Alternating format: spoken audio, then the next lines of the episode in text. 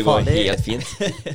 Gjøre det. Ja, tilbake fra pornoepisoden som uh, nådde nye høyder. Ja. Spesielt på YouTube, fordi folk liker tydeligvis å se på. Og søke ikke bare høre på. porno. Ja. Ja, sant. Mange internasjonale seere på forrige YouTube-video. Mange internasjonale menn, eh, og vi, app vi appel altså denne episoden appellerte ganske bra til menn nå. Vi hadde vel, Det var en stor prosentandel av de som var pornoavhengige og, og sånt, noe som var eh, menn også. Ja. Så det passer bra at dere, dere tok det seriøst, eh, gutter og menn der ute. Og, ja, men jeg har, jeg har fått noen tilbakemeldinger av de som er litt mer lokale, da. Som har bopel i Norge.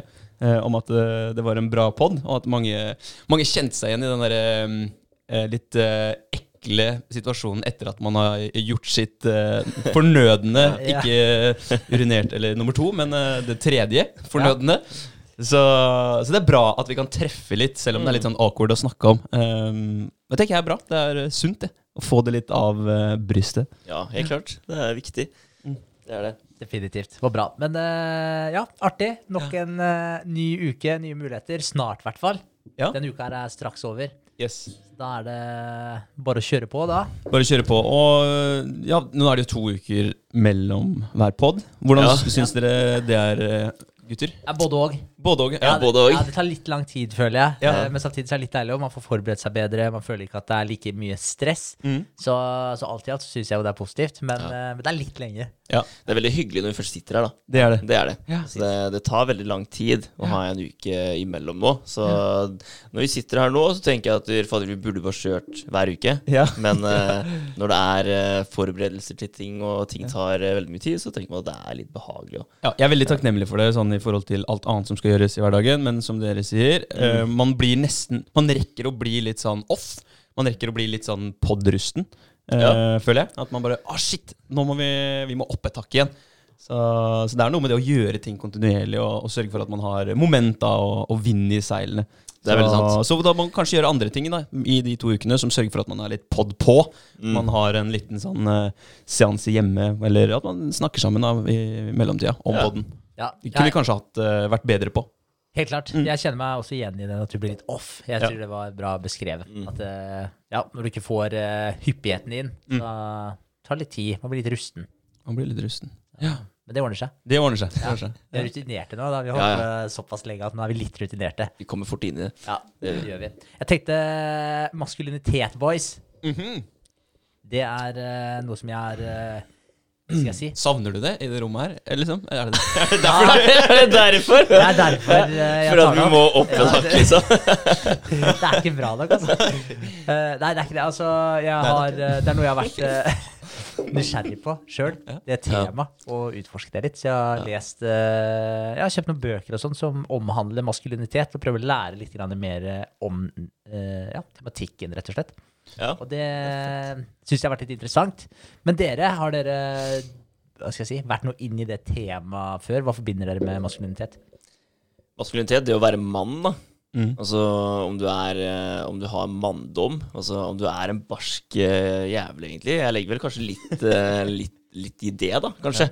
Ja, At du, du løser ting på egen hånd, og du er din egen mann, da. Jeg vet, jeg vet ikke. At du finner styrke i maskuliniteten din. Mm. Ja. Da- Jeg tenker umiddelbart på, på liksom, en slags kriger, en beskytter, en som tar vare på ting. Det er det jeg tenker på når jeg Ja. hører ordet maskulint. Litt sånn rustning. At man har eh, både rustning og sverd. Da er du maskulin. Ja, det er litt den at du føler deg maskulin når du gjør ting som du, som du får en mestringsfølelse av. Da Mm. Da tenker jeg at da føler du deg ganske bra, du er fornøyd med deg sjøl, og du tenker at der, eh, Det kommer jo helt an på hva du gjør, da, men hvis du, hvis du kjører en heftig konkurranse da, som er tung, og du vinner den konkurransen her, da har du både vært igjennom den konkurranseånden, liksom, og du viser styrke, du slo alle de andre. Da kan du stå der med, med rett rygg og heve over de andre og tenke at nå er jeg faen meg maskulin, altså. Ja. For det motsatte er immaskulin. Eller er det feminin? Eh, nei, altså Fordi Ja, det er et godt spørsmål. Er, eh, spørsmål fordi altså, de komplementerer hverandre litt. Men altså, det motsatte av maskulinitet er vel ikke Eh, Nei, det er ikke motsatt, men, Kanskje ikke, men det er jo to motstykker, da. Ja, det, det er er jo jo det. det er jo to motpoler. Det er jo litt sånn yin og yang. Maskulinitet, femininitet. Det er, jo, det er jo egentlig motpoler, men om de er nøyaktig motsatt av hverandre, det vet jeg ikke. Ja, Skal vi ligge i midten her òg, eller? Er det, er det sånn der? Balansere, liksom? Ja. Men, men eh, ja, du snakker om konkurranse og, og, og sånt da, Vegard. Hvis du da har vunnet noe og har mestring og sånt nå, um, kan man ikke være eh, Kan man ikke være maskulin selv om man ikke har vunnet? Kan man, eh, det- må man liksom vinne for å være maskulin? Eller kan man liksom bare ha gjennomført noe og så fortsatt være maskulin? Jeg tenker at maskulinitet går på hvordan du bare oppfører deg òg. Mm. Ja. Hvis du er eh, jeg, jeg tror at folk føler seg maskulin eh, ved forskjellige ting, da. Altså, jeg følte meg veldig maskulin etter at jeg eh, bytta dusjkabinettet mitt på fredag. Hey! Ja, Ja. jeg rev ned det gamle og satte opp et nye, en, en, en ny en, og gjorde alt det her alene, da følte jeg meg bra. Da vil jeg si at jeg følte meg ganske mann, da. Ja, når jeg sto der og tittet på badet etterpå og bare OK, det her har jeg gjort på egen hånd, og det gikk uh, glatt. Jeg klarte det. Jeg har aldri gjort det før. Mm. Naila det. Følte at det, var et stort pluss i boka til Vegard. Og det henger jo sammen med mestring, eh, Ja, mestringen du snakka om i stad. da. Ja. Jeg ser det. Det er eh, gode tanker, det. Absolutt. Grunnen til at jeg syns det er et interessant tema i utgangspunktet, da, det er jo Samfunnet har forandra seg enormt. Eh, siden, altså, vi har jo hatt en biologisk utvikling som eh, systemene våre har bygd seg opp etter hvordan miljøet rundt oss eh, har vært. Eh, opp igjennom, og da snakker vi om mange millioner av år. Blitt en gjeng med fitter, liksom. Og så, men du, har- altså, du har tilpassa et miljø, da, og så forandrer det seg jo drastisk. Hvis du ser for ca. 12 000 år siden, når vi gikk fra å være type hunter-gatherers til å begynne med jordbruk osv. Vi slo oss ned, da, eh, og på samme flekken. Begynte å bygge gjerder, begynte å bygge samfunn på samme sted. Det var ikke sånn at vi flytta oss etter maten lenger. Og det skjedde for sånn 12 000 år siden. Så før den tida der eller i hvert fall så vidt vi vet, da. Men før den tida der så, så drev jo folk og ja, var nomader, da. Flytta seg fra plass til plass. Eh, og jakta osv. Eh, levde i mindre stammer, mindre samfunn. Også, og, og det har vi da gjort i ja, millioner av år. 12 000 år siden. Da slo vi oss ned, begynte med jordbruk osv. Det var jo en drastisk forandring. Ikke bare med tanke på at vi begynte med jordbruk og begynte å spise veldig annerledes, Nei. men Vi ble mindre villmenn, da. Ja, ja, ja, definitivt. Det tok jo et skikkelig vendepunkt akkurat der, da. For 12 000 år siden. Ja, Eh, helt klart. Eh, og så eh, kom den industrielle revolusjonen, eh, slutten av 1700-tallet. Eh, industrielle revolusjonen den ga oss jo mye verktøy. Eh, forbrenningsmotoren osv. økte jo hva skal jeg si, effektiviteten på folk. Hvor mye en person klarte å utrette. Maskiner kunne ta over mye mer av den delen der. Og, og det skjedde for ca. Ja, litt over 200 år siden. Og så eh, har vi hatt den siste, den teknologiske revolusjonen, da, som skjedde for ca. 70 år siden. 1950-tallet så begynte eh, ja, teknologien å utvikle seg veldig, veldig hurtig. Så du har på en måte hatt de skiftene her, og hvis vi ser på måten vi lever på i dag, kontra måten vi levde på før, måten vi på en måte har utvikla oss biologisk sett Fordi de siste 400 åra, eller de siste 12 000 åra for den saks skyld, da, systemet vårt, altså hele nervesystemet vårt, hjernen vår, alt det her, det er ikke utvikla Det har ikke utvikla seg så mye på den tida der, da. Så vi er på en måte tilpassa et miljø som var tidligere, eh, om det gir mening. Så, eh, og det er det jeg syns er litt interessant, da, for det er det sånn før eh, så maskulinitet gikk jo mye på det med å beskytte, som du var inne på i stad, det med å beskytte gruppa di for farer. Det er jo egentlig en sånn basic definisjon på uh, maskulinitet. Men det strekker seg jo mye bredere enn akkurat det. Men når vi levde for uh, Før vi hadde slått oss ned, før vi begynte med jordbruk, uh, og det vi på en måte er tilpassa, det er jo et uh, miljø hvor vi må beskytte oss for farer utenfra hele tiden. Vi må ut, jakte maten vår. Det er mange oppgaver. altså Du må bygge alt du skal. Da. Det må du på en måte lage sjøl. Så det er mye som er helt gitt. da, En eh, mann fra tidligere som ikke er der lenger i det hele tatt i dag, fordi samfunnet har tatt over så mange av de eh, problemstillingene her. Så det som på en måte var helt gitt før, at var du en mann, så skulle du på en måte ut og jakte, du skulle ut og krige, du skulle beskytte familien din. Alle de tinga som var helt gitt før, de er ikke der i dag. Hvis du ser på det med, å, med beskyttelse, så beskytter jo eh, staten, eh, samfunnet, politiet beskytter jo alle sammen i dag, både kvinner, barn og menn, for den saks skyld. Eh, så, så den beskyttelsesrollen er jo tatt vekk.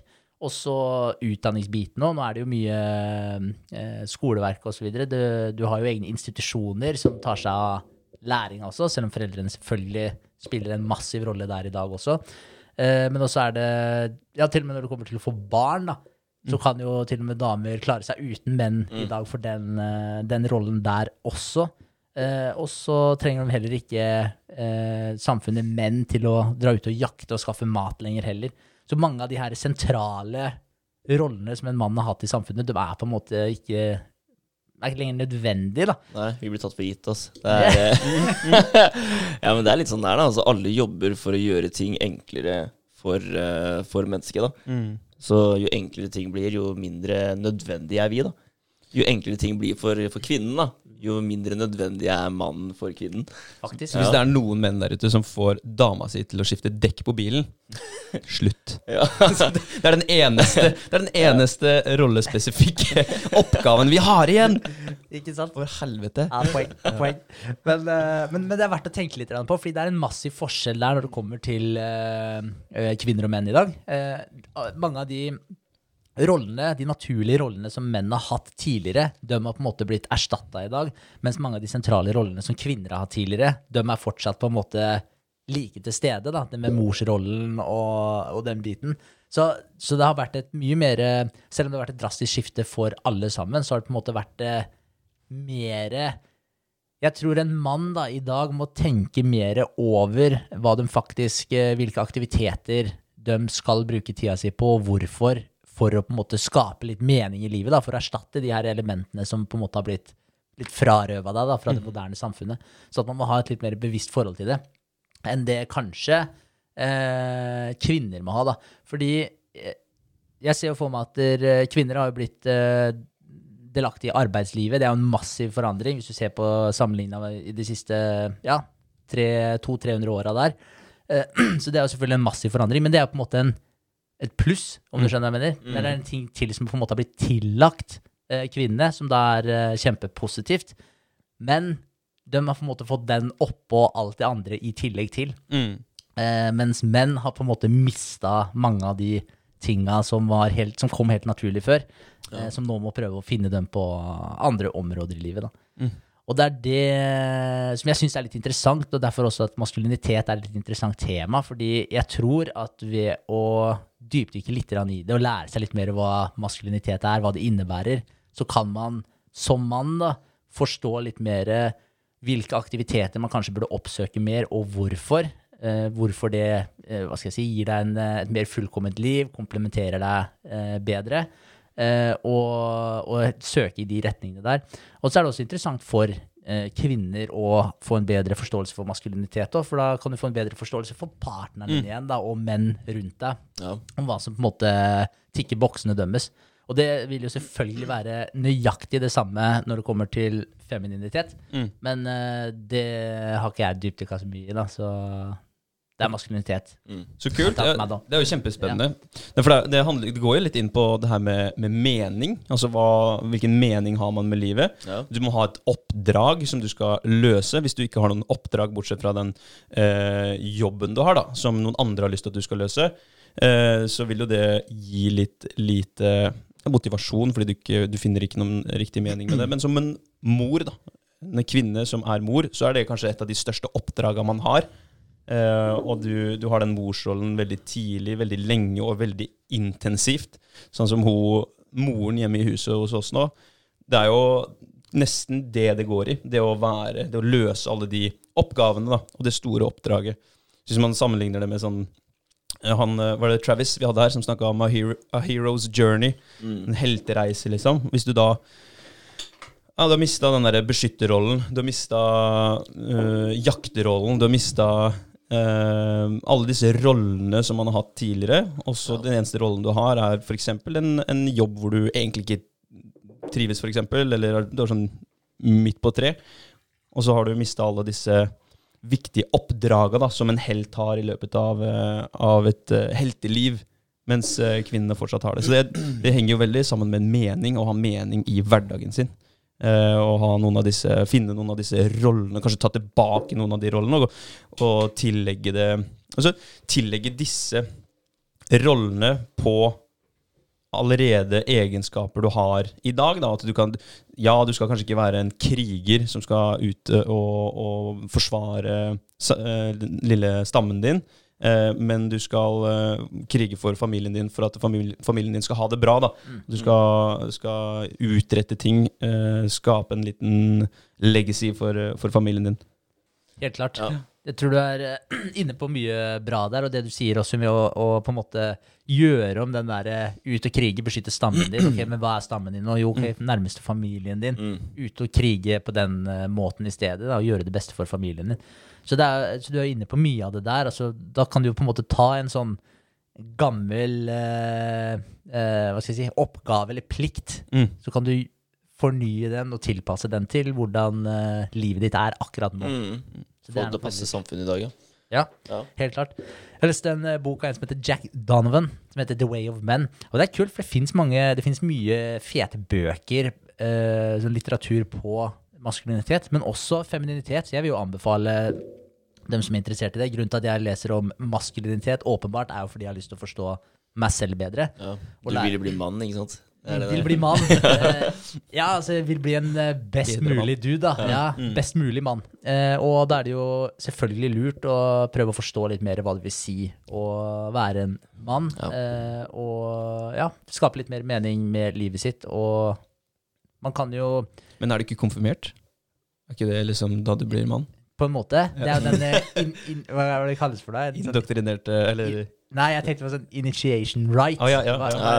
Det er det første steget. Ja, Mm. det er, eh, men det også er litt kult, fordi det er jo et skille der også. Når konfirmasjon, det er jo ikke så mye prøver du går ut på der, egentlig. Det er jo egentlig veldig lett. Du spiser kake og får penger. Liksom. ja, det er det. Seremonielt. Ja. Ja, det er det Nå er du mann, gutten min. Det Ja. er, det, ja. men, eh, men det er litt kult, for i mange kulturer tidligere også nå, så er eh, det med sånn initiation rights, da. Jeg kan ikke det norske ordet for det, men eh, det er en sentral del av maskulinitet, faktisk.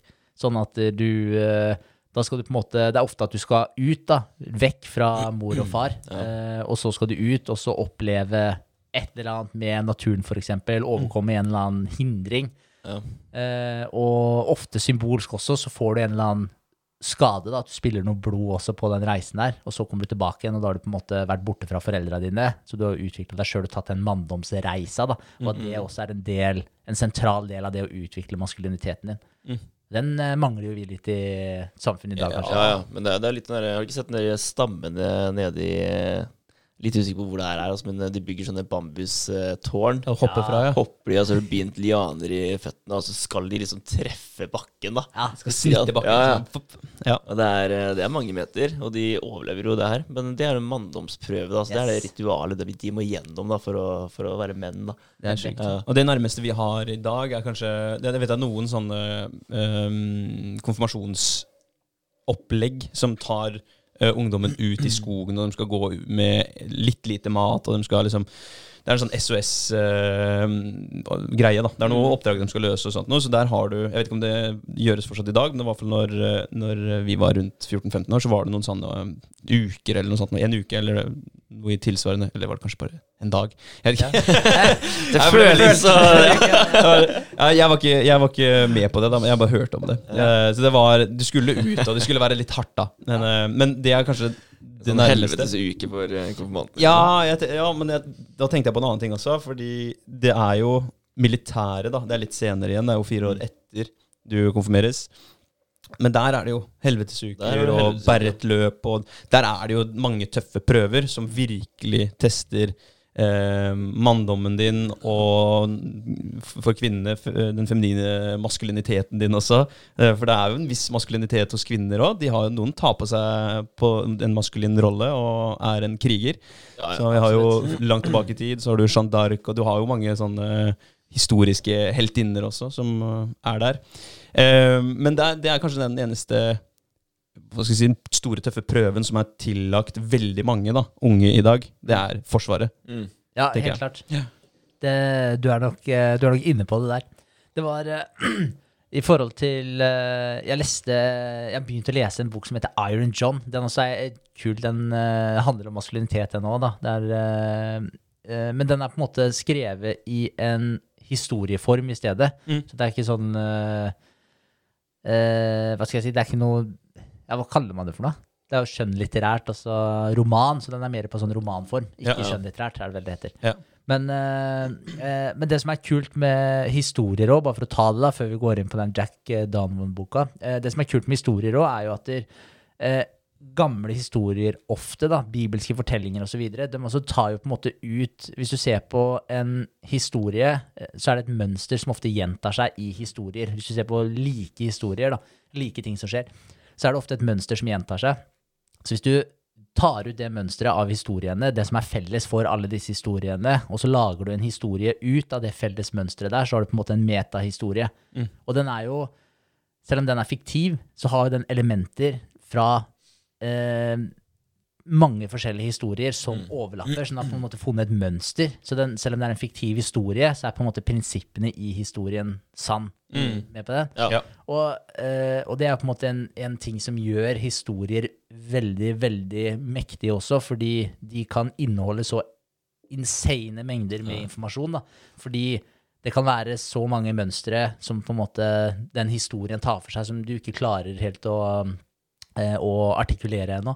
Det er jo måten vi også, vi mennesker, måten vi forstår ting på. altså Du forstår det ofte med en følelse først, og så klarer du på en måte å tenke det. Eh, så du føler det først, så tenker du det, og så det siste du klarer, det er på en måte å eh, artikulere det og si det.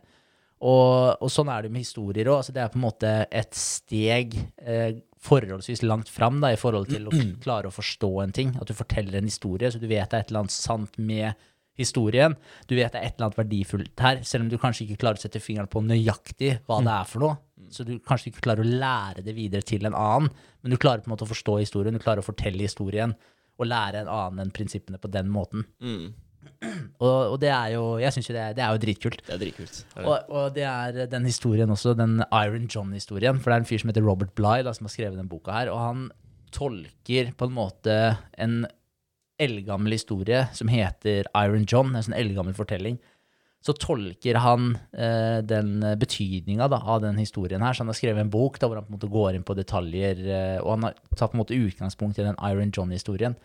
Og så har han, eh, han skrevet en eh, bok ut fra det, egentlig, hvor han på en måte ja, hva skal jeg si, drøfter og diskuterer rundt uh, betydning av de forskjellige tinga som skjer da, i den historien. Sjukt å gjøre, egentlig. Ja, Ja, ja. Jævlig fett. ja, ja. Det er dritkult, for, han, uh, for han dypdykker jo skikkelig da, i den storyen. Og, og bare noen, da, bare for å gi en liten sånn uh, uh, Ja, veldig sånn forenkla forklaring på Eller gi noen elementer av den historien. Eh, så, så er det en eh, liten gutt som da er eh, ja, han er sønn av en konge og en dronning, han bor på et slott. Eh, også ute i skogen på utsida av slottet så forsvinner det eh, ofte menn da, som går inn i skogen der. De eh, blir borte. Så da befaler kongen eh, en eh, gjeng da, som skal gå ut og finne ut hvorfor disse mennene forsvinner. Og da finner de ut at det er en eh, dam der som folk blir dratt ned i av et eller annet sånn uhyre nedi der. Så de bestemmer seg for å tømme den dammen her. Tømmer det med, tar bøtter og tømmer eh, dammen. Og så ligger det en hårete mann eh, nede på bånn av den eh, dammen her, da. Og han eh, hårete mannen han blir bare kalt The Wild Man. Eh, så da tar de The Wild Man og eh, låser han inn i et bur foran på en måte i eh, hva heter det? Kongsgården, liksom. Kong, kongsgården, ja. ja. Eh, og låser han inn i et bur der. Eh, og så Ja, og så er han egentlig bare fanga der, da. Og da kommer han eh, lille gutten, da, han eh, sønnen til da kongen og dronninga, eh, går forbi det buret der. Og han eh, villmannen prøver å snakke til han gutten her, men han vil ikke høre på han, så han løper bare av gårde. Han tør ikke å prate med han. Og så prøver han på nytt igjen å prate med han, og da får han litt mer eh, respons. eh, og så sier han til slutt, eh, spør om gutten kan eh, slippe han ut derfra. Så han får overtalt gutten til å slippe han ut fra det buret her. Det som er kult, da, det er at The Wild Man symboliserer på en måte den ville siden, den primitive siden av gutten. da, Den maskuline delen av gutten. Uh, mens han gutten er jo på en måte den uskyldige gutten som da bare er, kall det god og snill, da. Og, og ufarlig, for å si det på den måten. Uh, så han begynner å kommunisere da, med The Wild Man, som er hans eh, primitive side. Og i starten så tør han ikke å prate med henne i det hele tatt, ikke sant? for han tør ikke å, å bevege seg inn på det området av seg sjøl, for det er jo en del av han sjøl som han på en måte ikke har tappa helt inn i ennå. Så da tør han ikke å prate med henne, så da stikker han bare av gårde. Til slutt så tør han å prate litt med henne, men han tør ikke å slippe henne ut av buret. Og til slutt da så eh, får den villmannen på en måte overtalt gutten til å slippe henne ut av, eh, av buret. Og, og det han, eh, gutten må gjøre da, det er at han må stjele eh, nøkkelen. Og nøkkelen til buret er det mora hans, dronninga, som har. Og den ligger under puta på soverommet til eh, mora. Under puta til mora. Eh, og det også er kult, da, fordi det som det på en måte symboliserer, er at gutten, for å komme i touch med maskuliniteten sin, så er gutten nødt til å stjele nøkkelen, og det er mora som sitter på nøkkelen. Så det er mora til gutten da, som på en måte sitter på nøkkelen til maskuliniteten til gutten. Men han kan ikke be om å få nøkkelen, han må stjele nøkkelen fra under puta for å på en måte slippe ut villmannen. Og eh, Og han gjør jo det, da, og så slipper han ut villmannen, og så stikker de eh, til eh, inn i skogen. Og så får han eh, gutten beskjed om å vokte over en dam. Og så, eh, men han får ikke lov, han skal passe på at ingenting treffer den dammen, ingenting berører det. Eh, så den må holdes helt ren, den dammen. Og så sitter han gutten og passer på, så går han villmannen, så sitter gutten og passer på uh, lenge, og så mister han litt fokus etter hvert. Og så tror jeg han, jeg husker ikke om han mister balansen, eller om han mister et eller annet uh, uh, ja, ned i vannet, jeg husker ikke helt. Prøver han å få tak i det, da. Og da er det vel hårstrået hans eller noe sånt som treffer ned i, så han får eh, eh, Jeg tror det Nei, det er fingeren først, tror jeg, for han prøver Ja. å fange det. tror jeg. Så det er fingeren først som blir til gull. Og det som er så kult, er at den fingeren blir til gull, da. Den som han toucher ned i vannet. Ja. Og så gjemmer han den bak ryggen når han villmannen kommer tilbake. Og så ser han villmannen, han skjønner med en gang at han har vært borti vannet. Og det også er kult, fordi altså der han på en måte Han får en oppgave, gutten, av på en måte maskuliniteten. Han feiler og klarer ikke oppgaven, men fingeren hans blir til gull. Og gull er på en måte et- det er jo det edle metallet. ikke sant? Det blander seg ikke med noen andre metaller. Det er på en måte sola, eh, himmelen, det lyse. Så det som skjer, er at han feiler, men fingeren blir til gull, så det er på en måte en positiv feiling. da, For nå har han på en måte tatt enda et steg videre i å utforske maskuliniteten osv. Og, så og han feiler, han blir skada på veien, men det er på en måte en positiv eh, skade i forbindelse med at fingeren hans blir til gull. da. Så, så sånn går den historien her igjennom, og den går igjennom på en måte en, eh, den reisen da, som alle menn må ta for å utvikle et forhold til eh, maskuliniteten sin. Og veldig mange i dag eh, går ikke inn på det i det hele tatt, for man tenker ofte kanskje at den villmannen i seg sjøl, at det på en måte ikke er en del av deg, og derfor og at det på en måte er skummelt kanskje å komme litt i, eh, i kontakt med det. For det er kanskje sider av deg også som er eh, eh, som kanskje ikke bare er positive. da, Du må få det, det, få det under kontroll. Mm. men de fleste kanskje ikke velger å gå inn på det i det hele tatt, og velger egentlig å dytte den ned og aldri besøke den uh, villmannen i det hele tatt. Men så den storyen her, det er dritfett egentlig. Den tar deg gjennom da, hele den historien her, forklarer symbolikken rundt det, og på en måte Og da kan du igjen se hvordan du eh, holder på i dag, hvordan livet ditt har vært, og hvor langt du har kommet på den, eh, på den reisen her. Eh, så, så det syns jeg var veldig interessant, og det er jo én måte å se det på, er jo gjennom stories. Så det var poenget mitt med det her, altså, fordi den boka der tar for seg hele den fortellinga av maskul eh, maskulinitet i en historieform. Forteller den fortellinga. Mens han Jack Donovan i The Way of Men, han ser mest på prinsippene, da, dydene bak eh, maskulinitet. Som også man kan sikkert koble til historien som du nettopp var inne på. Definitivt. Så hun mora, da, hun er jo dronningen. Hun, er jo, hun er vokteren på, av hans maskulinitet, egentlig. Og det kan man jo kanskje sikkert som mødre ja, altså mødre rundt omkring i verden kan sikkert kjenne seg igjen i det. At man, man vil jo bevare den gode, uskyldige gutten så lenge som mulig. Det er vanskelig å slippe, slippe beistet ut, da, for å si det sånn. Du skal ut og pulespy og slåss på byen og sånn etter hvert.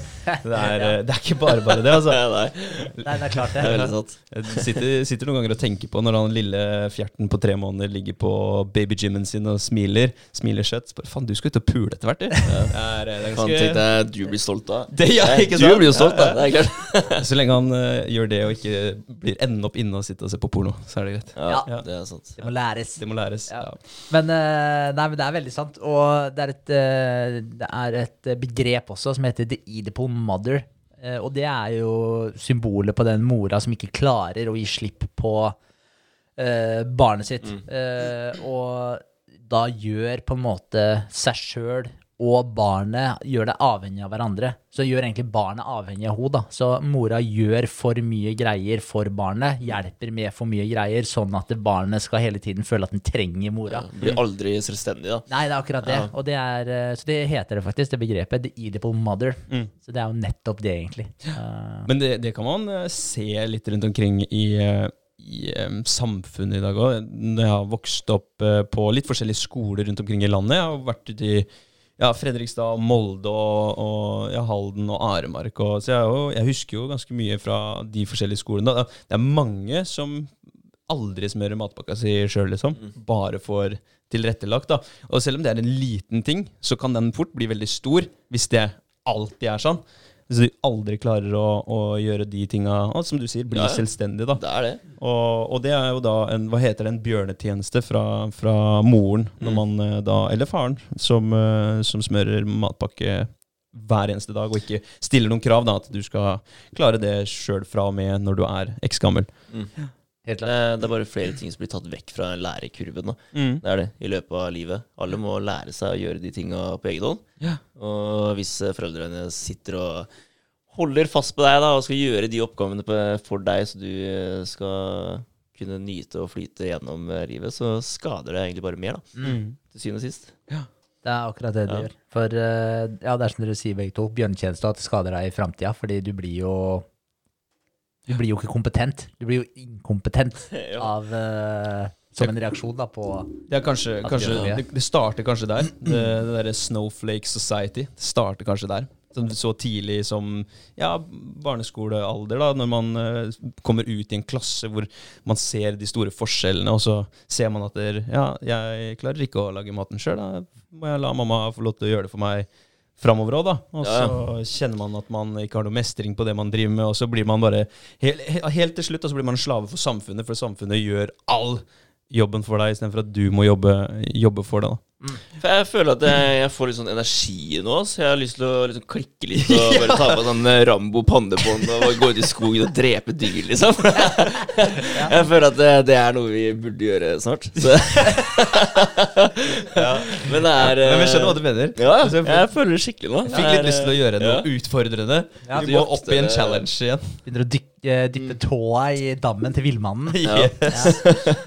Ja. Ja, kanskje vi er nødt til å gjøre et eller annet eh, en sjuk eh, challenge eh, snart, faktisk. Ja. Det kan hende. Og det er jo jævlig digg òg, altså når man gjør en sånn challenge.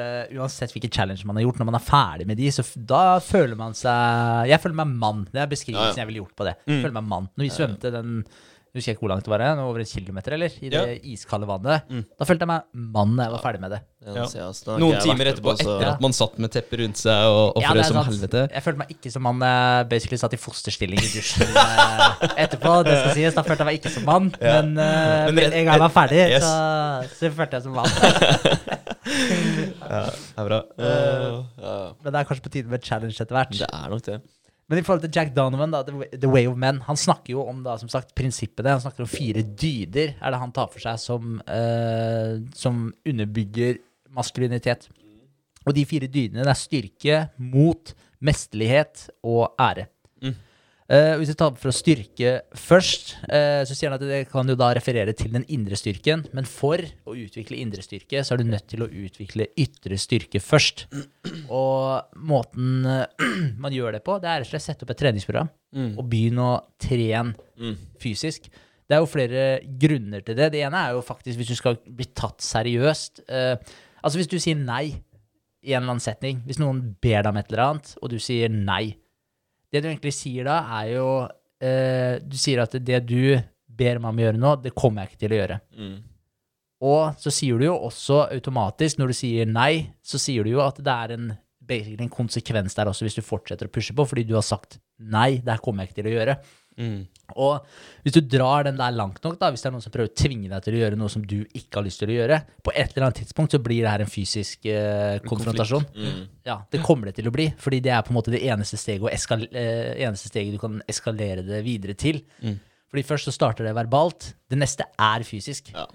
Og da er det sånn, da kan du si nei så mye du overhodet vil, men til syvende og sist, hvis ikke du har fysikken til å backe opp svaret ditt, så har du jo egentlig ingenting å komme med. Da har, du har ingen styrke.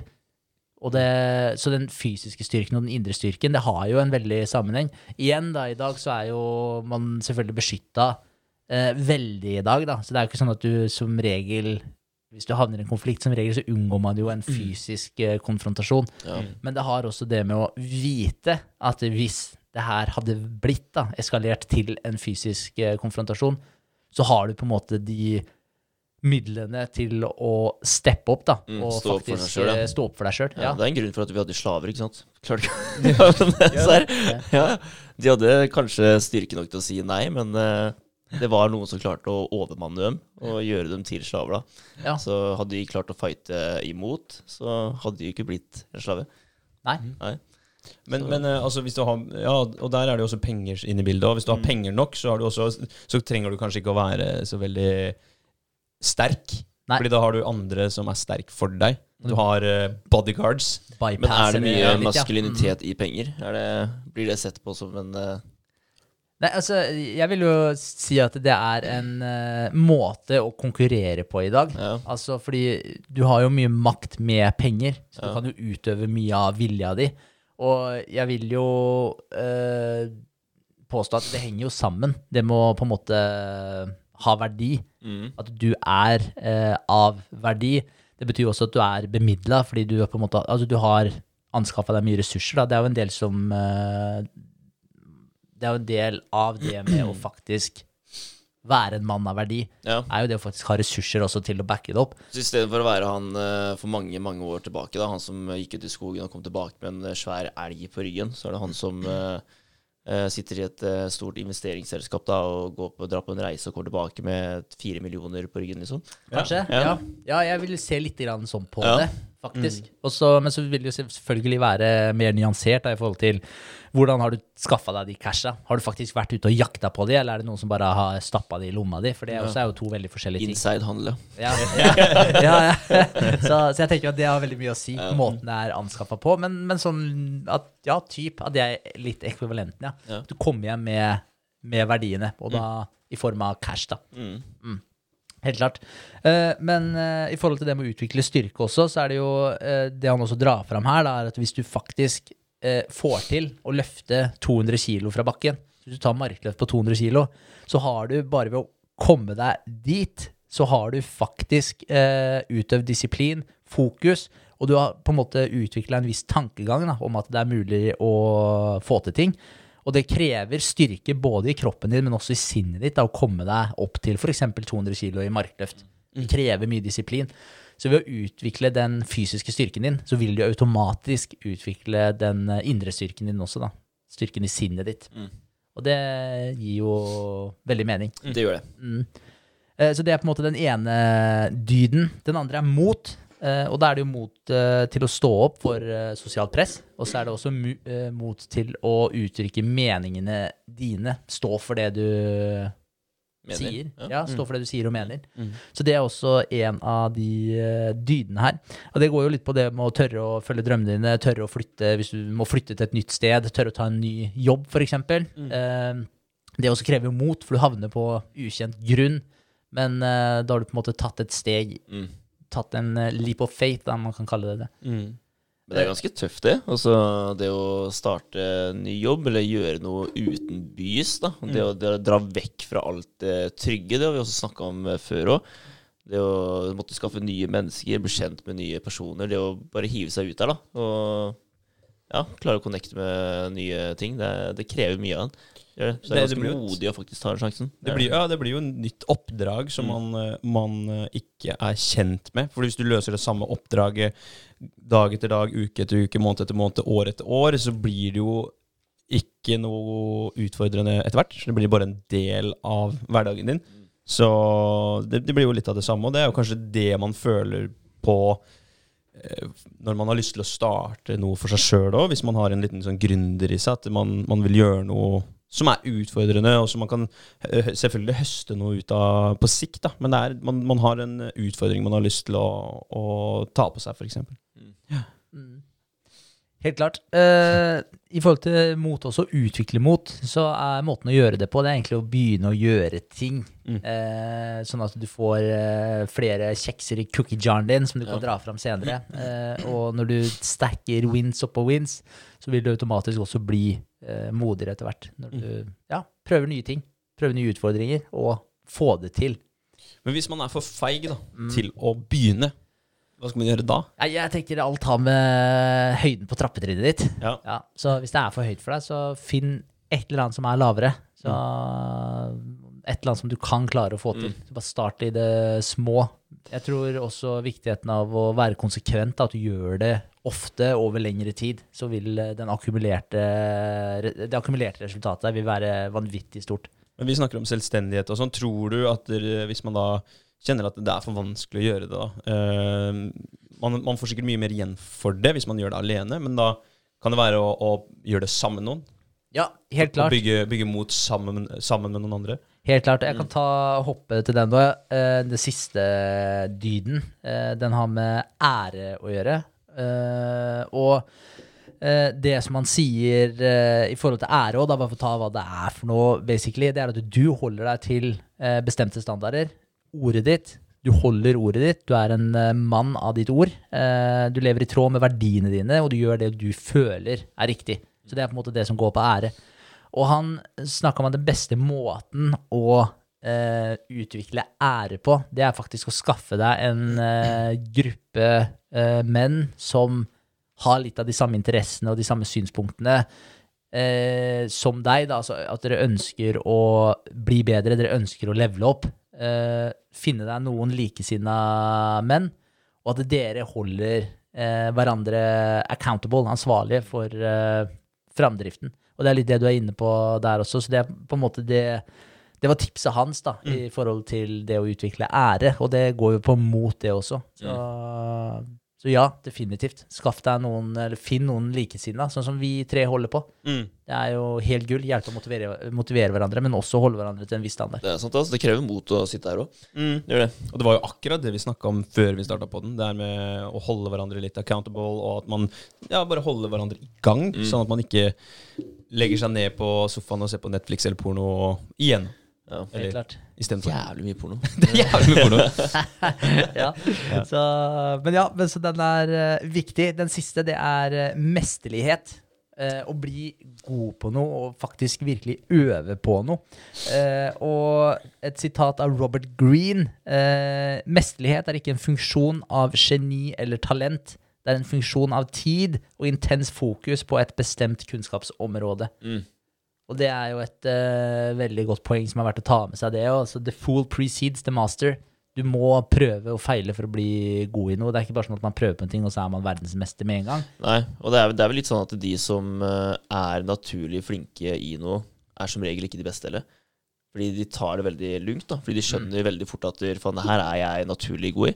Ja. Og så har du han som ikke er det, som jobber som faen for å bli flink i det her. Ikke sant? Og hviler på talent. Ja, Mm. ja jeg, tror det er, jeg tror det er noe der, altså. Ja. Det, tror jeg. Tror jeg du er helt rett i. Ja. Så er eh, det å ja, faktisk prøve å finpusse hele tiden da, og bli bedre og bedre, det gagner nok eh, deg veldig i det lange løpet. Det tror jeg. Ja, jeg er Så- helt enig. Er, eh, da utvikler du den der eh, arbeidsmoralen og Ja, etikken også. At du får den disiplinen til å jobbe hardt. Så det er, tror jeg du er inne på noe. Mm. Uh, I forhold til det å utvikle mesterlighet òg, så er det egentlig å spørre deg sjøl spørsmålet. Altså, gjør jeg det jeg kan til det ytterste av min evne, da, i forhold til de feltene som jeg er interessert i også? Altså om du er ekstremt interessert i å lage mat, f.eks. Om du ønsker å bli kokk, eller om du ikke ønsker å bli kokk, da, men at du bare har lyst til å lage bedre mat. Ok, Fortsetter du å finne nye oppskrifter? Tester du nye krydder, eller bare har du på en måte lyst til det bak i hodet ditt, men du gjør aldri noe med det? Er det bare spagetti og kjøttsaus, liksom? Ja, Det er det hos meg, altså. Ja, eller at man holder det et, eh, på et simpelt nivå i forhold til de skillsa som du faktisk har. Eh, men at man spør seg sjøl om du fortsetter å forbedre deg. For det er ofte det at det, går litt i sånne bursts, føler jeg. At det er sånn eh, Brått så tar jeg meg skikkelig i nakken, og så er det sånn Nå stepper du opp gamet ditt enda mer, liksom. Nå må du virkelig skjerpe deg. Og så er jeg kanskje dritflink da i x antall uker, og så havner jeg litt bakpå igjen. Men at jeg havner Si at jeg forbedra meg med Bare for å ta den, da. Si jeg forbedra meg med fem hakk, og så går jeg på en måte tre hakk tilbake igjen. Så jeg lander på en måte to hakk bedre enn det jeg var når jeg først tok meg i nakken. Men at det går litt sånn der eh, i burst, da, så må jeg innse at eh, faen, nå har jeg havna litt eh, bakpå igjen. Nå er, nå er det på tide å steppe opp igjen, da. Det er akkurat som at jeg må på en måte Ja. vekke meg sjøl. Jeg kjenner meg meg er en skikkelig dårlig uvane der med trening. Jeg føler at eh, jeg kan trene to uker eh, kontinuerlig. da Ganske bra økter de to ukene her, og føler meg bra. Ser på meg sjøl i speilet, ser bra ut. Ikke sant? Og så kommer neste uke, og da dabla. Mm. Ja. Og det er, liksom, det er blitt en sånn trend for meg, og det liker jeg absolutt ikke. Det er den der, Se på forskjellige motivasjonsvideoer, for eksempel, og de sier at det bare det er liksom da du ikke vil. Mm. Det er da du bør. Det er da du bygger eh, karakter, ikke sant? Ja. Mm. Men eh, Og så ser jeg på hva jeg gjør, da. Det er sånn, jeg trener to uker bra, føler meg kjempebra. Og så er det en uke som jeg kanskje jobber litt annerledes, og da har jeg ikke så, så veldig lyst til det. Så da dabber jeg hele denne uka her. Da Det, hviler du ja, det er så svakt, du. Det er jo helt Kanskje du, sinnssykt. du hviler litt på talentet, da. For du er, du er veldig flink til å trene de to ukene, ikke videreutvikle deg. Jeg Jeg, føler kanskje at det går veldig fort opp. Og Ja. så, så er det sånn Men det blir jo bare bedre hvis jeg hadde trent den tredje uka òg. Ja, ja. Og da hadde jeg blitt enda høyere, da. Men kanskje jeg føler at det det er greit. Nei, jeg vet, jeg vet ikke. Det er, så, det er, det er et eller annet som fucker med huet der. Altså. Det er det. Ja. Og så er det litt hva, hva målet er med, med treningen også, da. Om, for du, du har vel sagt det før òg, at målet er vel å føle seg bra, se bra ut, føle seg bra, ha Du har ikke måte definert det som at du skal løfte x antall kilo i benken, Nei, x antall skal, kilo bli, eh, skal ikke bli en uh, treningsinfluenser som gjør cash på det greiene der og er helt jævlig badass. Det skal Nei, jeg ikke og, være. og det var det du sa om spagetti bolognese, og du har kanskje ikke satt deg et mål om å bli en dritbra kokk, så du legger tida di andre steder da, Mm. enn å, å utvikle um, ja, det kulinariske. Så, men jeg, jeg kjenner meg igjen i burst, kanskje, men hos meg er det mer sånn avsagd hagle, pff, og så litt ned igjen. At jeg gjør mye på veldig kort tid, og så er det en lang sånn eh, down-periode som jeg kommer ned til nest, ja, litt over Mm. der jeg var sist. Litt det samme. Men det er jo bedre enn ingenting, da. Nei. 100 Så- det er vanskelig. Altså, jeg tenker den flowen vi har da når vi Mm. jobber, vi, får, vi har en veldig god flow, og så skjer det et eller annet En ytre påvirkning da som gjør at du, eh, man, man kanskje har en Det tar kanskje en periode uh, før den tingen du faktisk jobber opp mot, kan skje. Eller Mm. at du får et eller annet som bekrefter at det du gjør nå, det kan fortsette. Mm. Og det gjør da at det det blir du, du har den måneden eller to da hvor det blir litt sånn hva, hva er det jeg egentlig skal gjøre her nå, da? Og du vet sjøl at hvis jeg fortsetter å jobbe hardt nå, så får jeg utretta så sjukt mye på den tiden her, men du, du går liksom og venter på den bekreftelsen til å begynne å jobbe òg, da. Mm. Det er veldig rart, egentlig, men uh, sånn er det litt for meg. Og da, da fucker det med den flowen, da. Mm. Og Der er vel disiplinen som er ja. nøkkelordet, tror jeg. Helt klart. Altså, gjøre noe, ikke sant? Bare om, om det er fem minutter eller en time den ene dagen, så gjør fem minutter, da. Det er mer enn ingenting. Så bare gjøre noe. Det tror jeg er et super-tool for Ja. å komme seg videre. Definitivt. Tror jeg det er viktig å planlegge dagen din kvelden før. Mm. Planlegge dagen etter kvelden før. Det tror jeg også er helt nøkkel, fordi hvis det er sånn Fordi da må man ta et bevisst valg Ja. i forhold til hva er det jeg faktisk skal bruke tida mi på i morgen. Altså hva, hva er det jeg, som jeg sitter her i dag, føler at hvis jeg gjør det her i morgen, så har jeg hatt en bra dag i morgen. Og det tror jeg også er mye av nøkkelen der. Fordi hvis du ikke skriver ned de punktene kvelden før, og så kommer det til dagen etter, og så er du litt usikker på hva du skal gjøre, og så har du fått mye andre inntrykk den dagen, kanskje har blitt spurt om du kan gjøre et eller annet den dagen, så da, det dukker opp andre ting som gjør det enda vanskeligere for deg å faktisk få gjort noe produktivt, og så har du ikke lagt en plan heller, så du må begynne å finne ut der og da hva du skal gjøre, og så kanskje du er litt demotivert og så videre. Så jeg tror det er mye lettere, kanskje det er ting du ikke har lyst til å gjøre helt også da, som er hassle å begynne med, og så du, så da tar du heller en shortcut, så tar du en litt enklere ting eh, og gjør det i stedet. Men hadde du sittet litt sånn eh, detached kvelden før og tenker i morgen så skal jeg gjøre den tingen her, den har jeg skjøvet på veldig lenge.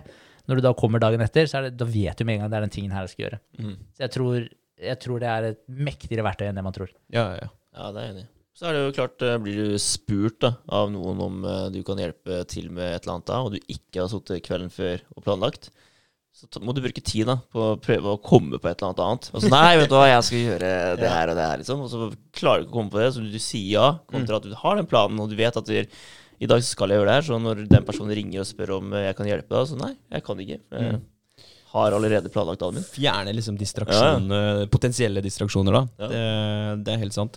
Og for å gjøre ting mesterlig, så må man jo planlegge det. Man må også Vi har snakka om det før òg, at hver ting du gjør, hvis du, hvis du anstrenger deg da, og, og etterstreber og gjør de 100 hver eneste gang, så er jo det med på å gjøre deg mesterlig, og det arbeidet du gjør, mesterlig igjen. Så 100% i alt du gjør, Ja. da setter du standarden på de, alle de egenskapene du har lyst til å finpusse, da, og så vil jo resultatene komme deretter. For Hvis du da går inn med liksom 50% innsats i noe du skal gjøre, så vil du jo naturligvis få 50% resultat også. Det halvveis Vi bli, vil bli halvveis, det. Ja, helt klart. Og så er det noe med det å utvikle de verktøyene dine også. For hvis du gjør ting 100 så kommer du også til å utvikle eh, verktøyene, egenskapene, kvaliteten dine så mye at det ting som du gjør i framtida uten engang å tenke på det, det har bare blitt en del av karakteren din at du er så skilla da, i de tinga som du holder på med, at resultatene av valga du tar, de er mangegangen eh, de resultatene som du hadde fått hvis du ikke gikk inn og gjorde ting 100% Fordi du får det, det blir en sånn eksponentiell uh, utvikling eh, i forhold til at du, hele tiden pakker på uh, mer og mer skills. Du blir flinkere og flinkere oppå de skillsa som du allerede har. Så når du forbedrer deg et godt stykke ned i løypa her, da, så vil den lille forbedringa du gjør da, oppå alt det andre arbeidet da, som du har lagt ned fram til nå, det vil være Jeg tror det vil være så massivt at det er vanskelig å forstå hvor mye effekt eh, de tinga kan ha. Da, at du hele tiden stacker de tinga her oppå hverandre. De små detaljene. Jeg likte veldig godt uh, biten med historie, som vi snakka om i stad. Eh, jeg har opp, opp gjennom uh, ungdomstida vært veldig glad i å spille sånne RPG-spill. Role-playing games. At du, du har en heltekarakter. da Stort sett så er det jo en heltekarakter du er. Og så er det jo en historie du skal igjennom. Det er bosser eller utfordringer du skal slå. Og for å slå bossen så må du eh, skaffe deg noen skills. Du har et talent tree, eller du har et skill tree du må utvikle. Du må hele tiden bli litt bedre, få bedre uh, utstyr for å kunne slå, få bedre uh, magical powers Ja, ja. for å kunne slakte det beistet. Selda, så helt rått. Ja, det er kjempekult, ikke sant? Og det, hvis man tenker litt sånn på, på sitt eget liv òg, at der, bygg talenttreet ditt da, for å kunne ta den neste, neste utfordringen. Ta din, din neste boss, din neste vegg som du skal knuse igjennom. Det tror jeg er eh, viktig å se på det for min del, og gjøre det for, for min sønn òg, at han skal se at det er sånn man gjør det. Menn gjør det sånn, i hvert fall. Og at han skal bli en like god mann, eller enda bedre mann enn det faren sin er. For det er veldig lett å si at, du, at du må huske på å gjøre sånn, og du må ikke være sånn. Men hvis jeg ikke etterstreber å gjøre det samme, så er det jo det jeg gjør, han vil speile. Han vil jo se på det jeg gjør, og gjøre likedan. Vi har jo snakka om det med snus også. Hvis snusboksen ligger på bordet hele tiden, så blir snus en naturlig del av livet hans. Men hvis jeg hele tiden kjemper for å bli litt bedre, så blir det en naturlig del av livet hans. Det er jo mye bedre enn uh, snus og porno. Nei, jeg snakka om porno mye, da. Så jeg bare måtte. Ja, ja. Eh, det er noen uh, menn nede i uh, Malaysia som setter pris på det, André. Ja, ja. Ja. Uh, men jeg er helt enig. og Hvis man ser på de elementene Det kan være små ting. Bare det med at du ikke klager, at du ikke offer deg over at du må gjøre en ting. F.eks. Uh, hvis du mister, mister en ting på gulvet. Mm. En så enkel ting. Hvis du mister en ting på gulvet, Mm. og så offer du å bære deg. Ja, ja. Altså, I stedet for bare plukke den opp da, og ikke face det i det hele tatt. altså Bare ikke lage en mine ut av det. Bare plukke den opp. Det er bare plukke den opp. Det har bare med holdninga å gjøre. Hvorfor skal du klage og syte over at du mista den tingen? Ja, Det er sykt. ingenting for seg. Men ikke sant, da også sender du signaler da, til eh, spesielt kids, da, hvis vi snakker om det nå. Sender du signaler til kidsa rundt deg. Orda du bruker også, i forhold til eh, Hvis du sier jeg får det ikke til. Jeg har et kjempestort problem. Hvis du, sier, hvis du bruker de orda der, i stedet for å si eh, 'jeg får det ikke til enda', 'jeg har ikke lært meg det her enda', Mm. så hvis du bruker de orda i stedet for å si 'jeg får det ikke til', jeg har et kjempestort problem. Ok, er det et kjempestort problem sammenligna med alle andre problemene der ute, eller er det bare at det er litt ubeleilig for deg akkurat nå? Det er en utfordring. Yes. Så, så, så jeg tror det også, måten man eh, prater til seg sjøl, måten man prater til de rundt seg også. Bare de små vanene der også. Det er med å lære deg å bli bevisst på orda du bruker, eh, sånn at du tar deg sjøl i det. Hvis du sier at det, ja, det her eh, er jo helt umulig. Hvis du, hvis du bruker setninger som det der, så, så, så vil du jo Du svekker deg sjøl. Ja, Så hvis, det- men hvis, du, hvis du er bevisst på det også, og så hele tiden tar deg i det, og lærer deg å finpusse Mm. språket ditt, så vil det også være effortless i eh, lengden. Hvorfor lo du så jævlig av det? Jeg, bare, jeg, jeg syns jeg har hørt deg sagt det før. Jeg bare, når du sa det nå, Ja. så bare var det sånn Faen, det har ikke sagt et par ganger før her. Altså. Déjà vu? Jeg fikk Ja. så skikkelig déjà vu. Ja. Men Det er jo helt umulig. Ja. Og det også vet jeg at man har sagt det sjøl også mange ganger. Når man sitter og jobber med et eller annet teknologisk problem, eller noe sånt, ja. så er det sånn Det er jo helt umulig. Og så gir man opp, da. Ja. Fordi at det ikke gir. Ja. Ja, vi, har, vi har ikke en veldig stor tendens til å gi opp med problemene vi møter på, da. Det har vi ikke. Har ikke det? Nei, Ikke det nå ikke. lenger, i hvert fall. Nei. Det det har vært jævlig kult faktisk å se det, se det eh, forske og se at det, hvordan barn faktisk blir påvirka av det. da. Når du har de to scenarioene, den ene positive, andre negative, og bare se hvordan den ungen Uh, utvikler seg ut ifra det. da. Ja, Det jeg det, vært helt rått å se på, faktisk. jeg tror det har alt å si. Jeg. Ja, jeg tror det det er jeg sjukt mye å si. Altså, det, det er utrolig hvor mye mennesker får med seg av ting som ikke blir uttrykt verbalt. Da, hvis vi bare er. Altså, vi er i et rom. På Måten du er på. Ja. Det påvirker meg veldig mye. Uh, og det, det her var i forbindelse med det demenskoret som gikk på TV. Så snakka de om um, alle disse positive opplevelsene de demente har fått. da. Og så var det noen som hadde spurt Men de kommer jo ikke til å huske det uansett. Er det noe vits? De kommer ikke til å huske at de har vært der ikke sant? og sunget da, og hatt det bra og vært glad. ikke sant? Og så er det Jo, altså det, er, det sitter jo med en følelse, så selv om de ikke husker faktisk det som har skjedd, så er det en veldig positiv følelse som er veldig, um, har en veldig stor påvirkning for hjernen deres i det store og det hele. da. Ja. Og det gjelder jo også for alle andre mennesker, og også spesielt barn.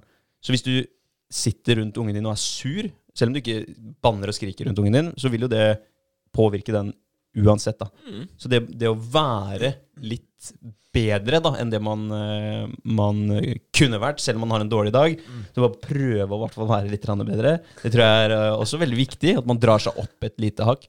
Det er fort gjort å, å sparke tåa i bordet og så rope 'fitte!'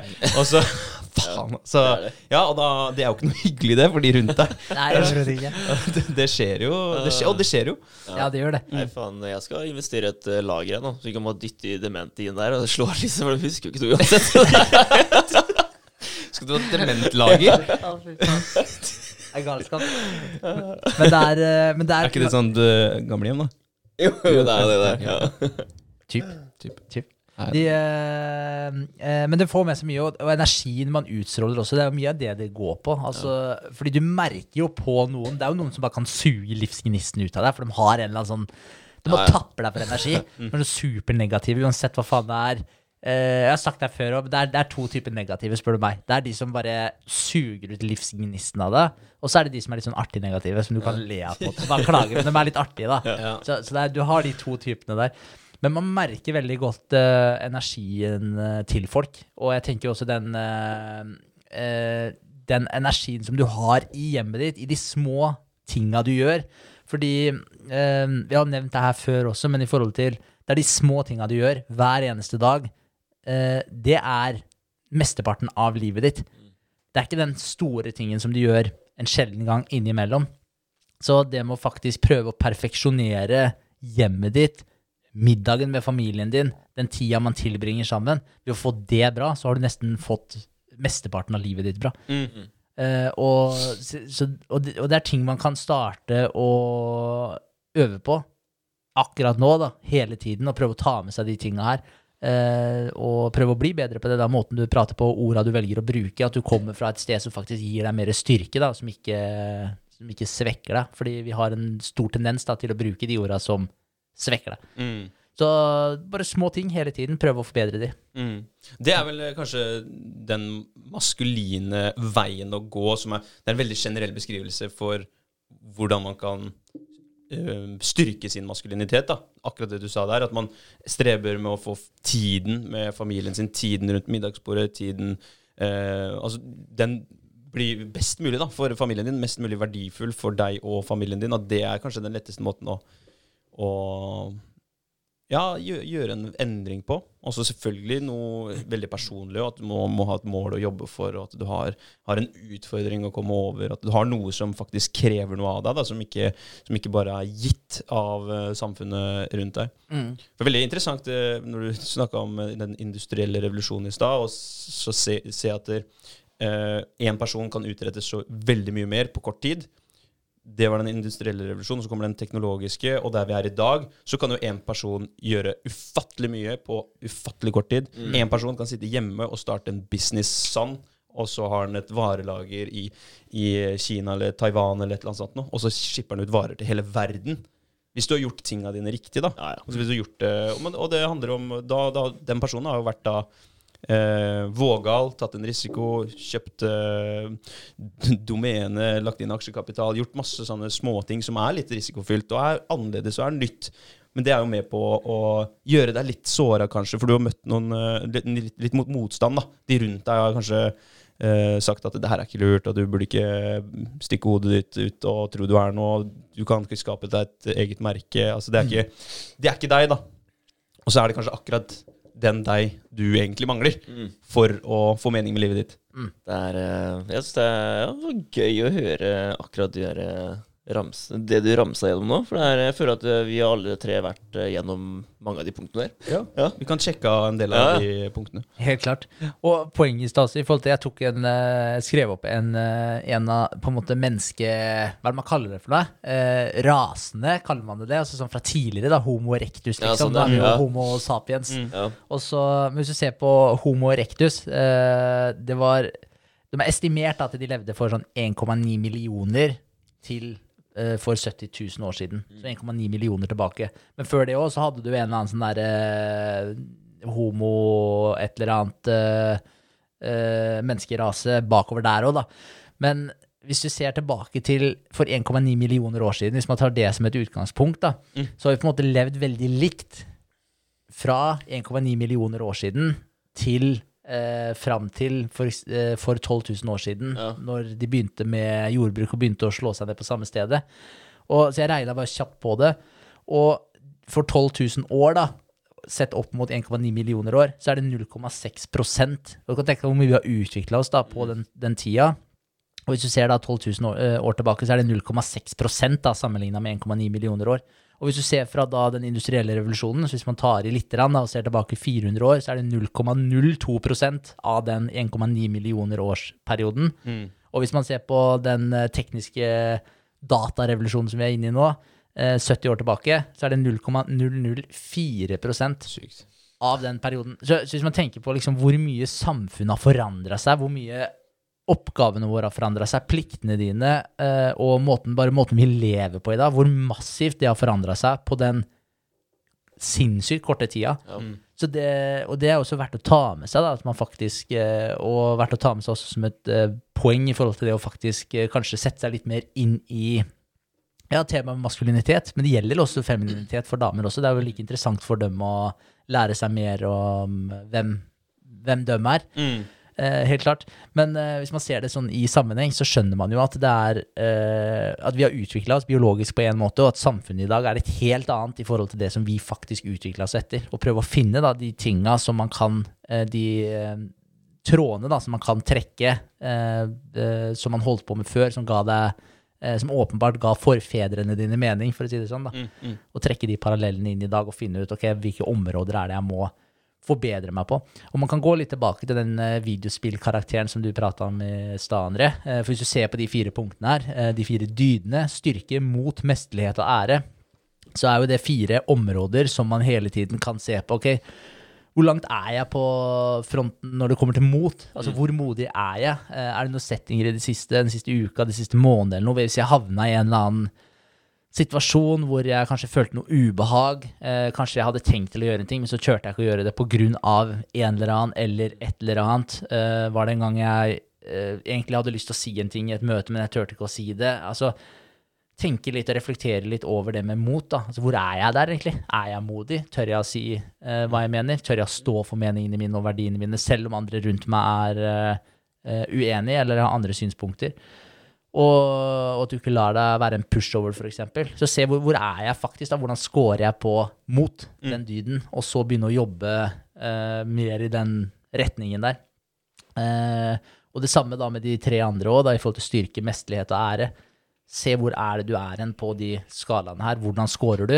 Og begynne å analysere det litt. Og så prøve å være, ta et litt mer bevisst forhold til det. Prøve å forbedre deg litt hele tiden. Så neste gang du hadde tenkt å si en ting, kanskje du, med tanke på den motfronten eh, Så hvis du sitter i et møte og du hadde tenkt å si en ting, kanskje, det er en, kanskje du er veldig uenig, den personen som sitter der og prater, så har du lyst til å si en ting, men du tør egentlig ikke. Ok, men si halvparten av det du hadde tenkt å si, da. Ymt litt innpå det, i hvert fall, men si noe, da, sånn at du tar et musesteg i riktig retning. Du trenger ikke gå all in og bare være helt uenig med en gang hvis du er litt konfliktsky, men starte på en måte å ha en bevisst tilnærming til det. Mm. Så kan man forbedre seg massivt da, på, på de punktene. Øvelse gjør mester. Ja, veldig sant. Helt klart. Veldig sant. Og, men eh, det var i den Robert Bligh-boka han refererte til flere bøker som hadde med femininitet å gjøre også. Og jeg tror sånn seriøst at det er, jeg syns det er dritinteressant å lese om de uh, temaene her. Jeg føler at man får en bedre forståelse for hvorfor ting uh, skaper mening for meg. da. Og jeg vil anbefale damer også å ta tak i noen sånne bøker hvis man liker å lese. Eller lydbøker, for den saks skyld. da. Men å finne noe som går inn på og utforsker det med femininitet også. Mm. Ja, altså, Vi sitter og ser på og leser om Ja, ser på dokumentarer og eh, heter det, National Geographic og ser på dyr og lærer oss ting om alt mulig annet hele tiden. Vi er veldig interessert i alt mulig annet, men det som er viktigst å forstå, er jo kanskje deg sjøl. Selv, Ja. ja. Hva, det, hva vil det si å være mann, og hvem mann er André, hvem mann er Henrik og Vegard? Eh, og bruke litt energi på det. For jeg har ikke gjort det noen gang i livet mitt, og, og dypdykka inn i mannsrollen. Jeg har jo selvfølgelig hørt og lest om hvordan samfunn fungerte for langt tilbake i tid. Hvordan, eh, hvordan vi har utvikla oss ifra, fra å ha små stammer til å bli store bysamfunn. ikke sant? Så, men, men det å gå inn på deg som individ og som eh, mann, altså den, den delen av deg, da, for det er, det er jo deg. Det er jo det kjønnet du er, og den, det, det som eh, henger ved det kjønnet, er jo ofte, ofte mange egenskaper, eh, ofte mange forventninger, og, og ting, ting som du, du bør ha et lite forhold til. Så det var et kjempespennende tema. Ja, nice, ass. Ja. Og innad i par òg, da. Altså forhold, som du sa i stad. Ja. Det om uh, jentene vet eh, hvor mye maskulinitet faktisk uh, impacter oss som Ja, hvor mye det betyr. Som, ja, altså hvor my mye det betyr for oss, da. Og omvendt, da. Mm. Eh, hvor mye, altså hvordan vi ser hva den feminine siden til jenta Hvordan det her faktisk fungerer, da. For vi er dårlige til å lese hverandre. Mm. Det, det er man ofte. Og det er eh, Det kan styrke et forhold veldig at uh, jenta skjønner hva som skal til for å, for å trigge de små tinga i, i oss, da. Og, og omvendt, da. Mm. Så det er uh, innimellom så holder det bare å si uh, en veldig fin setning til den jenta når hun faktisk trenger å høre det, da. Mm. Som kan endre hele dagen hennes. Og omvendt, da. At hun gjør en ting, eller sier en ting til oss som, mm. ja, som, eh, som gjør dagen bedre, da. Ja, så tenker Ja. at hvis, hvis partneren din vet hvor, hva mas- maskulinitet er, hvor mye det betyr for deg som, som mann, så er det lettere å vie, eller vie gi, gi tid til det. da. Altså lettere å, å sette av altså, At ja, kanskje Henrik skal få den mandagskvelden til å gjøre akkurat det, fordi vil bygge opp han som, eh, som mann. Og det er en rolle han trenger å, å ta, fordi at han blir en bedre partner igjen. Og likeså til kvinnen, da. At man klarer å delegere litt tid til hverandre, og litt egen tid. Bare det å, å få tatt seg en treningsøkt, da. ta en løpetur. Hvor mye bedre føler man seg ikke etter en treningsøkt? Så hvis man ikke har tid til det, så må man jo ta tid til det. Eller gi hverandre tid til det. Ja, og da krever det at man har en forståelse i, i bunn for å faktisk ha muligheten til å, å gjøre det. Og det, og det har jo til syvende og sist også med å skape Nå snakker vi jo om uh, menn, naturligvis, uh, her, men uh, det handler jo om å skape bedre menn og bli en bedre mann, og det igjen er jo positivt for kvinnen.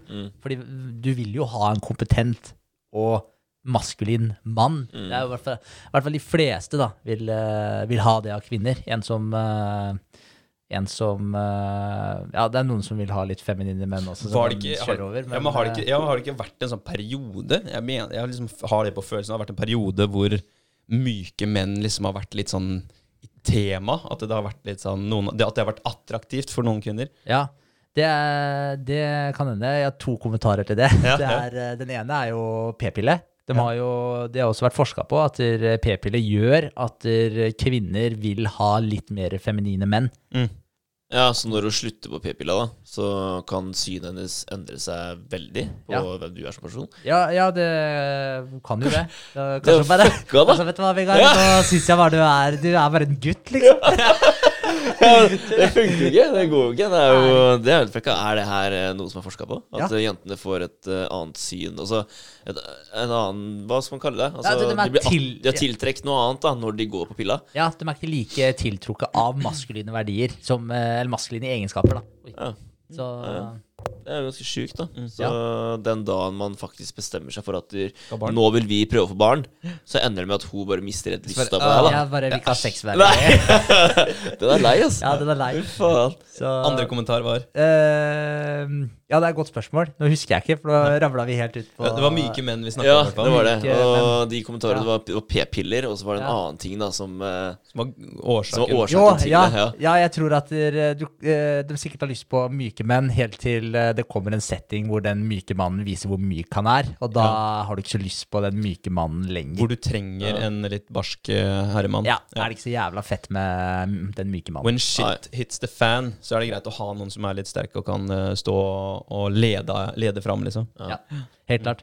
Og jeg skrev også en kommentar da i forhold til under Det var egentlig under mesterlighet. For det som skjer da, altså når menn ikke får uh, komme ordentlig i touch da med maskuliniteten sin og får utvikla seg som menn, så ender det med at vi blir ubrukelige. Vi føler oss ubrukelige, for vi føler ikke at vi har noen nytteverdi. da. For, den, uh, for man kan få en følelse av at man ikke trengs i samfunnet i det hele tatt i dag. Og det skrev jeg ned at menn i dagens samfunn de har slutta å vokse. De har blitt fornøyde med en middelmådig jobb, et middelmådig hjem og en middelmådig kone. Eh, Og for å dysse ned smertene det forårsaker, så ser de på TV fire timer om dagen og drukner sansene i alkohol, sukker og ultraprosessert mat. Mm. Og det er litt der vi er i dag. Hvis du ser at faen meg halvparten av befolkningen er overvektig. Hva er det folk bruker tida på i dag? De sitter og ja, drikker øl, ser på TV, spiser mat som ødelegger helsa di. Det er der vi er, da. Og, og hvorfor, eh, hvorfor havner menn så mye bakpå? Vi snakka litt med Tore her. Han sa menn burde lese mer bøker. Støtter den 100 Mm. Tror det stikker litt dypere også, og opp mot de tinga som vi har vært litt inne på her i dag. Da. Så tror jeg at hvis du tar tak i de tinga her, og blir en maskulin mann, og det i dag da, så har det på en måte fått en sånn negativ eh, eh, betydning, det med maskulinitet. Det er liksom giftig maskulinitet. Og, og det, er så, det er så synd, da, fordi det er akkurat som at det er en liten sånn krig mot maskulinitet. Nei, menn skal ikke være for maskuline, for er du for maskulin, så da er du anti kvinner. Det er nesten så det er logikken, og det er så langt uh, Ja. Altså, det er så feil, da, at jeg får ikke ja, får ikke uttrykt hvor, hvor feil det er.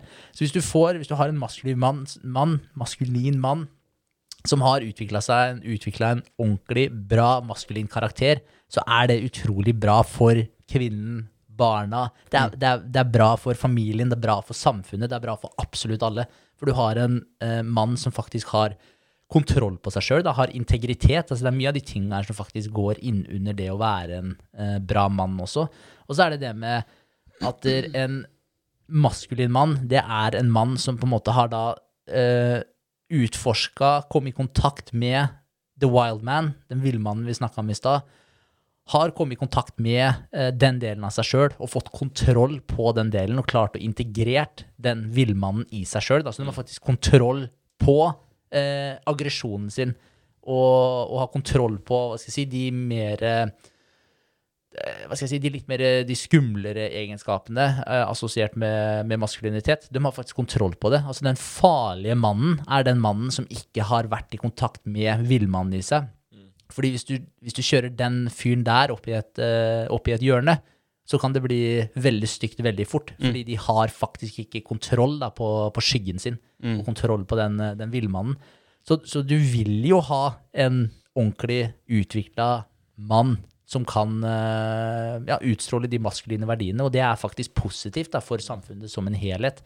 Og det er veldig synd i dag at det på en måte har blitt eh, hva skal jeg si, eh, titulert som noe negativt, da, det med maskulinitet. At hvis det blir for mye maskulinitet, så er det en dårlig greie. Menn skal bli mindre maskuline i dag, kvinner skal bli mer maskuline i dag, og alle bare møtes på midten, og så har du kvinner som ikke er ordentlig i touch med sin femininitet, og så har du menn som ikke er ordentlig i touch med sin maskulinitet, og så er det bare en røre, da. Ja, vi er bare hen, vi snart. Det er det vi er. Ja, mm. så I stedet for at du da kan få forankra deg på en stødig og trygg måte i eh, den maskuline delen av deg, eh, og få utvikla den biten her. Eh, og kvinnene finner ordentlig ut eh, hvem de er. Og det her gjelder individer, og jeg vet at ja, det er noe overlapp her, og noen menn er litt mer feminine enn noen eh, kvinner osv. Selvfølgelig, det er forskjeller her, men nå snakker jeg sånn generelt, da, for majoriteten eh, av befolkninga så, så, så vil du skape da, et mye stødigere eh, forhold. Et mye, du skaper et mye stødigere samfunn. Eh, du nevnte det for et par podder siden, André, det med i forhold til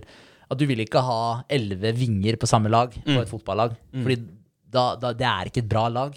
Du vil ha eh, to stykker som kan komplementere hverandre. Ikke nødvendigvis at det trenger å være to motpoler, men to personer som komplementerer hverandre.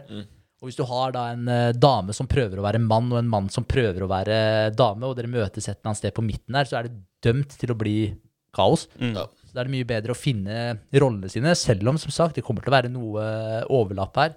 Men at man finner litt rollene sine og utforsker det litt, og lærer hverandre å kjenne på den måten, da, så vil man stå mye stødigere og jobbe mye bedre som et lag. Da. For du har faktisk to spillere med forskjellige kvaliteter på laget som komplementerer hverandre. Mm. Og det er jo et mye bedre lag. Ja, ja, ja. Det er eh, definitivt et eh, godt lag. Ja, ja. Og apropos sånn eh, Komme hjem på, på kvelden og ikke gå i krigen, da, eller fortsette på oppdraget sitt, eh, utvikle seg som en helt. Mm. Når jeg er ute og løper, så blir jeg litt sånn filosofisk og tenker litt. Og så løper jeg Pleier ofte å løpe i skogen, syns det er veldig fint, men så løper jeg gjennom to eh, ganske store boligfelt forrige, forrige helg. Brekkerød og Stenerød. Så jeg titta på litt hus og liksom gjorde meg litt kjent. Jeg løper jo ikke ofte oppi der. Men jeg ble ordentlig irritert når jeg løp eh, gjennom der. Jeg ble skikkelig forbanna. Fordi for, forbi hvert eneste vindu som jeg titta inn, liksom, så var det en stor skjerm.